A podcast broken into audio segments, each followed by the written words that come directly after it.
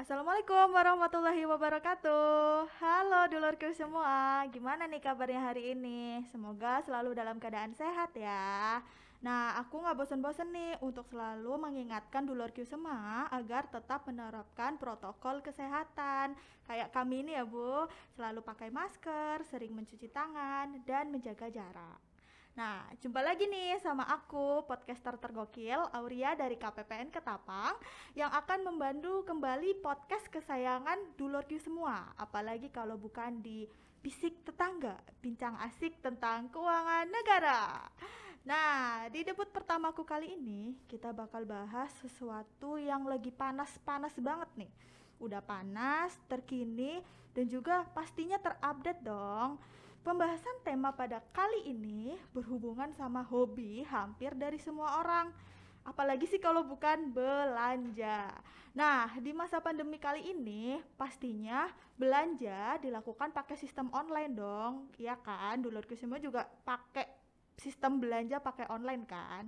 Nah, begitu juga pakai uh, untuk pemerintah. Pemerintah juga menerapkan belanja online pemerintah atau biasa kita sebut sebagai e-marketplace. Nah, sebagai pengantar nih, biar dulu Kyu nggak salah paham, aku bakal sedikit menjelaskan mengenai apa sih ini e-marketplace itu. Nah, jadi e-marketplace ini merupakan sistem yang menyediakan layanan penyedia barang jasa, kemudian pemesan barang jasa, pembayaran, serta pelaporan yang dilakukan secara elektronik dalam rangka penggunaan UP atau uang persediaan yang disediakan oleh bank tempat menyimpan UP itu sendiri dan pembayarannya dilakukan melalui sistem yang disebut digital payment. Nah, saat ini pemerintah sudah bekerja sama dengan tiga bank besar loh.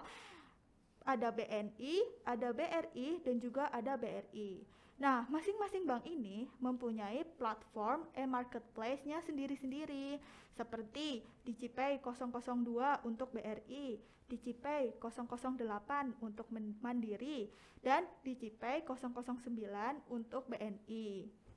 Nah, untuk membahas segala hal terkait e-marketplace, khususnya nih di platform DigiPay 002, aku, kita sudah kedatangan narasumber yang langsung kita datangkan dari BRI loh. Nah, ini dia Bu Is. Kita datangkan langsung dari Bank BRI KCP Ketapang. Halo Bu Is, gimana kabarnya? Alhamdulillah baik, Mbak. Sehat, Mbak? Alhamdulillah sehat. Boleh dong Bu Is disapa dulu semua. Boleh. Halo dulurku semua, perkenalkan saya Ais, saya bekerja di Bank BRI Cabang Ketapang sebagai Relationship Manager Dana Retail. Oke, okay. wah kalau dari titelnya pasti udah tahu ya Bu tentang marketplace nih udah di luar kepala kayaknya ya Bu. nah mantap banget deh Bu. Aku udah nggak sabar banget mau tanya-tanya. Kira-kira aku udah punya seribu list pertanyaan. Banyak sekali. Oh. Iya langsung saja nih Bu, aku nggak sabar banget buat tanya. Oke, langsung ke pertanyaan pertama boleh, siap Bu? Boleh. Ah, oke. Okay. Ya. Nah, bisa dijelaskan nggak sih Bu nih terkait DigiPay 002 itu seperti apa dan skemanya tuh bagaimana gitu Bu?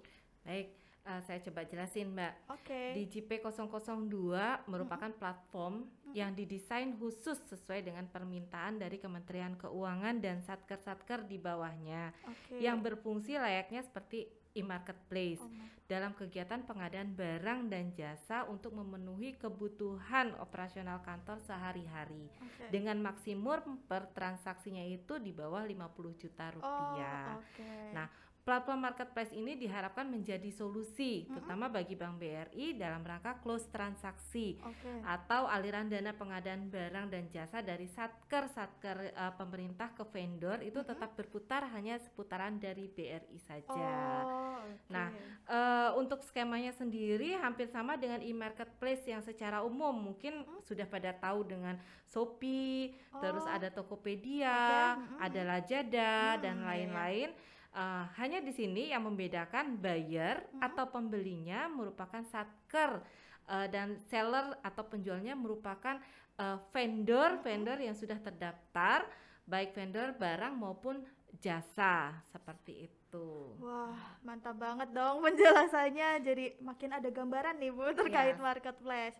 Baru satu pertanyaan tapi aku udah penasaran pengen ulik-ulik. Boleh. Lagi boleh ya Bu, langsung aja ke pertanyaan kedua. Nah, alur dari pembayaran marketplace ini gimana sih Bu? User-user apa sih yang terlibat di dalamnya?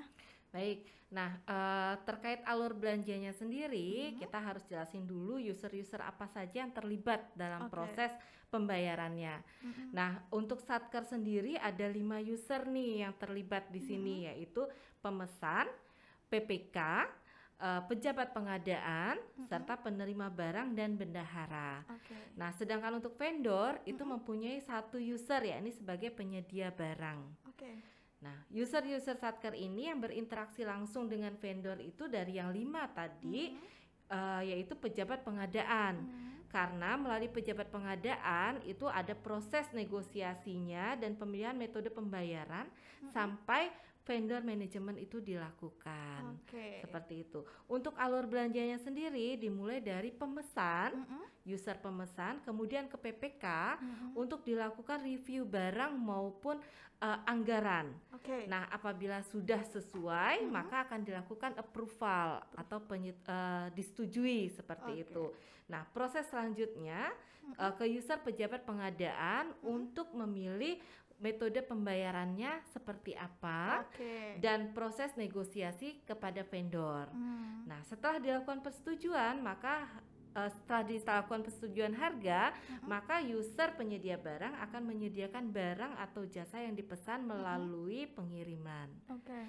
Nah, kalau sudah barangnya diterima, uh-huh ada user yang penerima barang tadi hmm. akan melakukan cek kondisi serta melakukan konfirmasi pengiriman. Okay. Dan terakhir, kalau sudah dilakukan cross check, maka akan dilakukan proses pembayaran barang dan pajak uh-huh. oleh bendahara yang bisa dilakukan bisa melalui virtual account, bisa melalui KKP okay. atau melalui transfer. Okay. Seperti itu. Siap.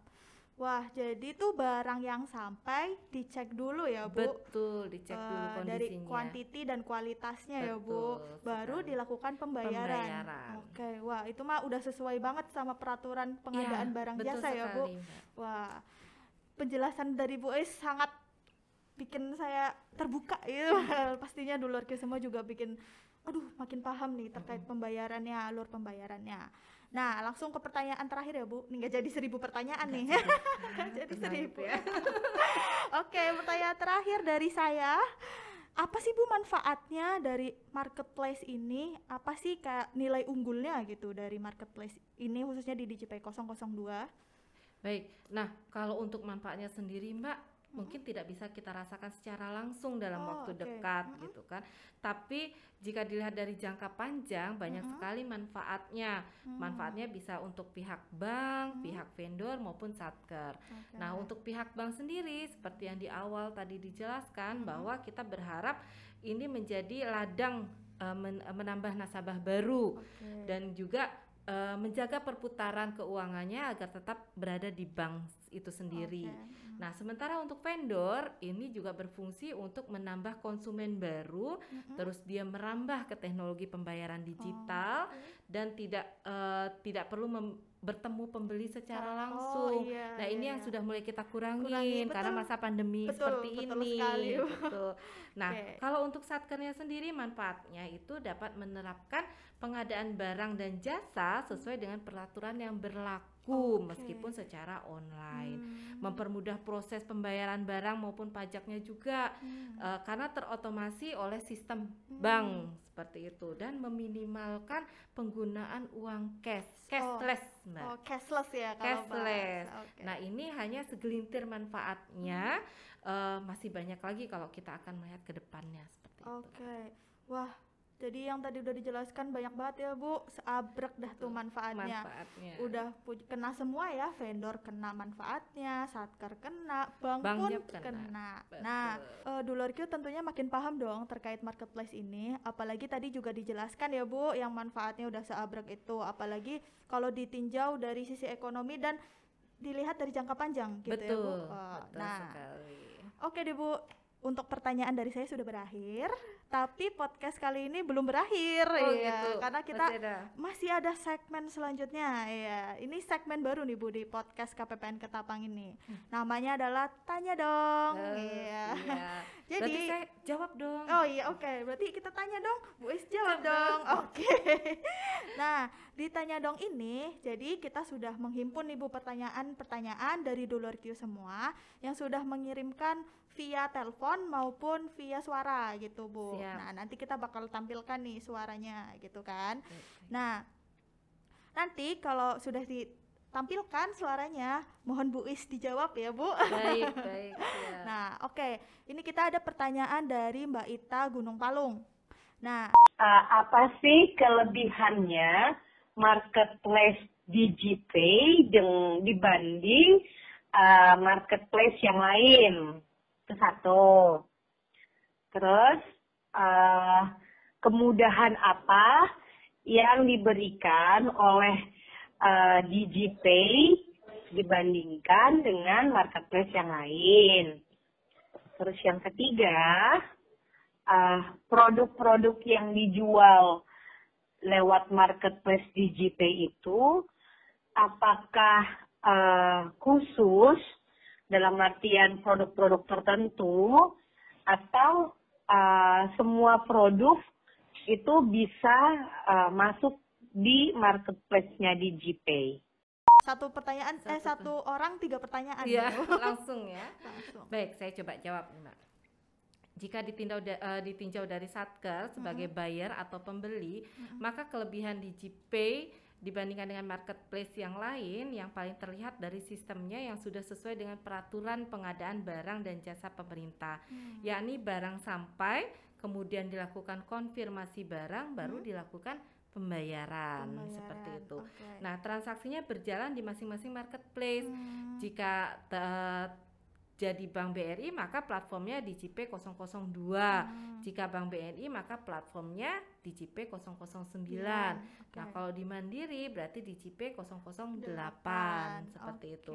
Nah, metode pembayarannya dapat dilakukan melalui virtual account mm -hmm. ataupun KKP dan mm -hmm. pemilihan pembayarannya ini dilakukan oleh pejabat pengadaan. Oh, okay. Apabila pembayarannya yang dipilih adalah KKP, maka mm -hmm. saldo akan otomatis berkurang okay. saldo di KKP-nya. Mm -hmm. Sedangkan untuk virtual account, maka pembayaran dilakukan oleh bendara dengan melakukan sistem cash management juga. Okay. Nah, kelebihan lagi mm -hmm. untuk di JP 002 mm -hmm. kita juga bisa melakukan transaksi itu uh, melalui pembayaran uh, mm -hmm. transfer oh, melalui cash management juga, Mbak, okay. seperti itu. Oke, okay. berarti bisa melalui transfer juga Betul gitu. sekali.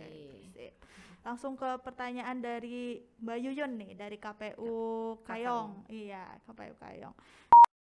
Yang ingin ditanyakan uh, lebih baik jualan di marketplace atau di toko online sendiri? Uh, pertanyaan lagi, sebenarnya bagaimana sih cara kerjanya marketplace itu? Baik, nah kalau cara kerja marketplace seperti yang sudah dijelaskan tadi, uh -huh. uh, cuman ini kita ringkas lagi nih ya. Ringkas. Nah kalau marketplace pemerintah ini dijalankan oleh enam user. Mm-hmm. Pertama itu ada pemesan, mm-hmm. terus ada PPK, mm-hmm. ada pejabat pengadaan, mm-hmm. terus penyedia barang, penerima mm-hmm. barang dan juga bendahara. Proses awal pemesanan dilakukan uh, dengan melakukan pemesanan mm-hmm. oleh pemesan, mm-hmm. terus uh, dilakukan approval mm-hmm. oleh uh, PPK, PPK betul sekali oleh PPK apabila barang yang dipesan sesuai dari segi kebutuhan maupun anggaran, uh -huh. kemudian akan masuk ke proses uh, masuk ke user pejabat pengadaan hmm. untuk proses negosiasi dan pemilihan metode pembayarannya. Hmm. Setelah disetujui vendor atau penyedia barang, hmm. maka penyedia barang akan menyediakan barang yang sudah dipesan. Setelah itu akan dilakukan proses pengiriman. pengiriman okay. Nah, setelah barang terkirim, maka eh, penerima barang hmm. akan mereview dan mengcross check kembali uh, barang tersebut setelah itu akan konfirmasi pengirim uh, akan dilakukan konfirmasi pengiriman barang dan selanjutnya dilakukan proses pembayaran oleh bendahara. Okay. Nah, kalau mempertimbangkan lebih uh, lebih baik saya rasa semuanya sama saja ya, oh, Mbak, sama-sama baiknya. Hmm. Namun marketplace ini juga merupakan salah satu wadah bagi vendor hmm untuk memperluas konsumennya hmm. apalagi sudah bersifat online dan hmm. menggunakan digital payment hmm. gitu maka besar kemungkinan juga ke depannya konsumen dapat melebar ke seluruh Indonesia Wah, betul. Jadi yang semula kita cuma lingkup ketapang saja dan tidak dikenal oleh iya. luas. Nah, setelah masuk ke uh, marketplace, marketplace ini uh. dia akan memperluas jaringannya konsumennya. lagi. Konsumennya okay. begitu. Wah, gila. konsumennya bisa sampai satu Indonesia ya, Betul Bu? Kemungkinan sekali besar. kemungkinan Wah. besar karena dari satker-satker hmm. lain itu bisa, bisa melihat. Oh, Oke, okay, gitu, siap. Oke. Okay. Nah, langsung pertanyaan selanjutnya dari Mas Oji. Oh persyaratan dari supaya supaya untuk daftar ke marketplace seperti Yup itu masih ada nggak sekarang? Soalnya itu menjadi salah satu diskusi yang ini uh, sepertinya susah untuk didapatkan oleh ini beberapa toko yang mau daftar ke situ ke marketplace. Nah, ini tuh sebenarnya bukan dari uh, ini ya, Bu, bukan dari Satker, tapi salah satu dealer Q juga nih yang hmm. setia menonton. ya. Jadi ditanyain nih, kalau nggak salah tuh Mas Oji dari Lampung. Ini dari Lampung ya, jadi dealer oh. Q juga. Jauh juga ya? Jauh juga. Nah, Pertanyaannya, apakah vendor harus memiliki SIUP untuk bergabung ke marketplace? Karena kan sebagian vendor itu kan tidak memiliki SIUP, Bu. Betul. Nah, uh, kalau memang mau lebih besar, lebih uh -huh. luas dia uh, menerima orderannya iya. atau menerima pesanannya akan lebih baik apabila memiliki SIUP, mm-hmm. SIUP dan situ dan juga NPWP seperti mm-hmm. itu. Tapi kalau untuk di GP uh, 002 BRI kita tidak mengharuskan untuk mereka memiliki SIUP maupun uh, situ atau surat keterangan usaha mm-hmm. lainnya. Yang penting mereka memiliki rekening di BRI dan mereka memiliki NPWP karena nanti okay. akan terkait dengan pelaporan pajak dari satkernya. Oh, okay, Seperti siap. itu. Berarti gimana nih Bu klasifik uh, klarifikasinya terkait giro sama tabungan itu? Bisa nah, dijelaskan nggak tuh? Baik, kalau untuk di JP 002 hmm. uh, tidak mesti harus vendor tersebut memiliki rekening giro, hmm. baik itu rekening giro perorangan maupun rekening giro CV-nya atau perusahaannya. Okay. Okay. Jadi mereka cukup memiliki rekening BRI saja, hmm. mau itu dia tabungan hmm. atau dia rekening giro.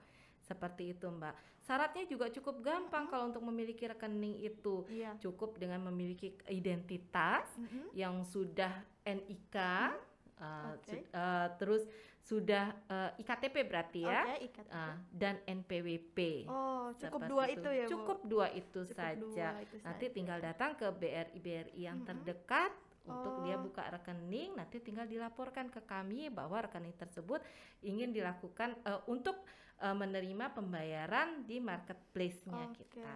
Berarti BRI yang terdekat ya Bu, bukan BRI yang pusatnya itu di mana? Tidak gitu? mesti, gitu. karena okay. BRI tersebar luas Mbak. Nah. Kalau mereka punyanya di uh, wilayah terdekatnya misalkan kayak di Sukadana, okay. mereka tidak harus datang ke Ketapang untuk membuka rekening Wah, tersebut. Okay. Mereka bisa mendatangi BRI yang ada di Sukadana. Okay, siap. Wah, kemudahan itu. yang didapatkan ya Bu kalau Betul bergabung sekali. ke DJP 002 Siap. untuk vendor nggak perlu siup deh ya bu ya, nggak perlu giro gak perlu tabungan giro. udah bisa betul. bikin tabungan pun udah gampang tinggal bikin um, apa bawa KTP KTP ya, saja tinggal bawa NPWP. KTP dan NPWP wah betul sekali Mbak Ria ayo vendor-vendor ini saya bantu iya saya bantu ayo vendor-vendor tidak ya. kalau misalkan kesulitan mereka untuk mendatangi ke kantornya karena rame atau gimana mereka bisa menghubungi kami langsung petugasnya. Oke, okay, wah mantap banget.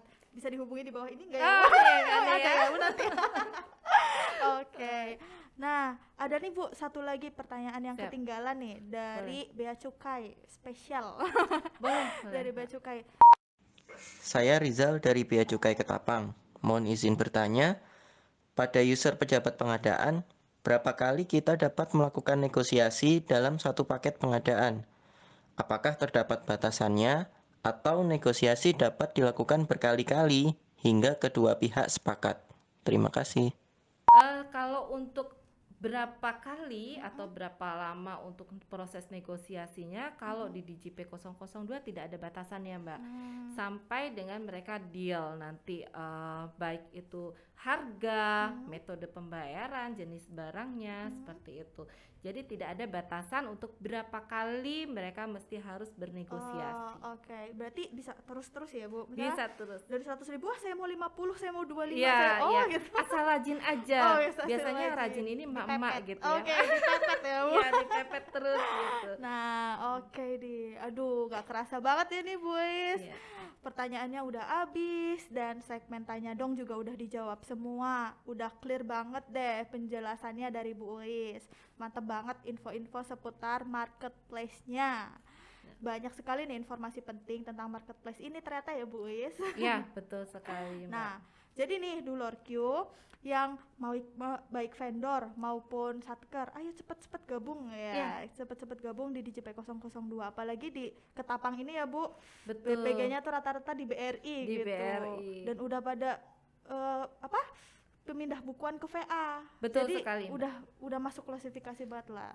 Betul sekali. Daftarnya tinggal datang ke KPPN bilang ke saya atau ke Mbak Ambar mungkin ya yang kenal ya, atau dan ke CSK-nya kalau gitu. boleh saya tambahkan iya? Mbak, mungkin kok kayak uh, vendor-vendornya itu uh, tidak berani atau uh, sungkan, sungkan untuk datang iya. ke BRI bisa di uh, melalui satker-satkernya. Nanti oh, satker-satkernya okay. yang akan menghubungi ke kita. Oh. Ini ada loh vendornya kita untuk misalkan makanan atau mm -hmm. apa uh, ke kami nanti biar kita yang akan uh, jemput bola ke sana, kita oh, yang akan wah. coba membujuk untuk vendor-vendornya okay, seperti wah. itu. Ada deliverynya ya, Bu. Iya. Delivery sekali. BRI udah Betul. udah udah nggak ada alasan lagi untuk nggak gabung Betul ya, Bu. Sekali. Syarat udah dipermudah. Betul. Udah nggak pakai giro juga bisa. Wah aku yakin juga sih di Ketapang ini banyaknya BRI ya bu. Jadi ayo ayo gabung-gabung. Nah itu dia dolarku uh, ungkap tuntas mengenai marketplace khususnya di DigiPay 002 bersama Bu Ais. Narasumber langsung kita datangkan dari BRI Iya. Terima kasih ya Bu Is sudah mau repot-repot nih datang ke KPPN. Terima kasih juga Mbak sudah dikasih kesempatan kita untuk bincang-bincang untuk ngobrol-ngobrol. Oke, okay, mantap sekali Bu Is. Oke deh, terima kasih juga nih buat dulurku semua yang udah mendengarkan maupun menonton podcast kita. Sekian podcast dari KPPN Ketapang, tema 4 episode 4 tema e-marketplace kali ini. Sampai jumpa di Bisik Tetangga selanjutnya. Don't forget to follow our medsos ya di bawah ini. Dadah.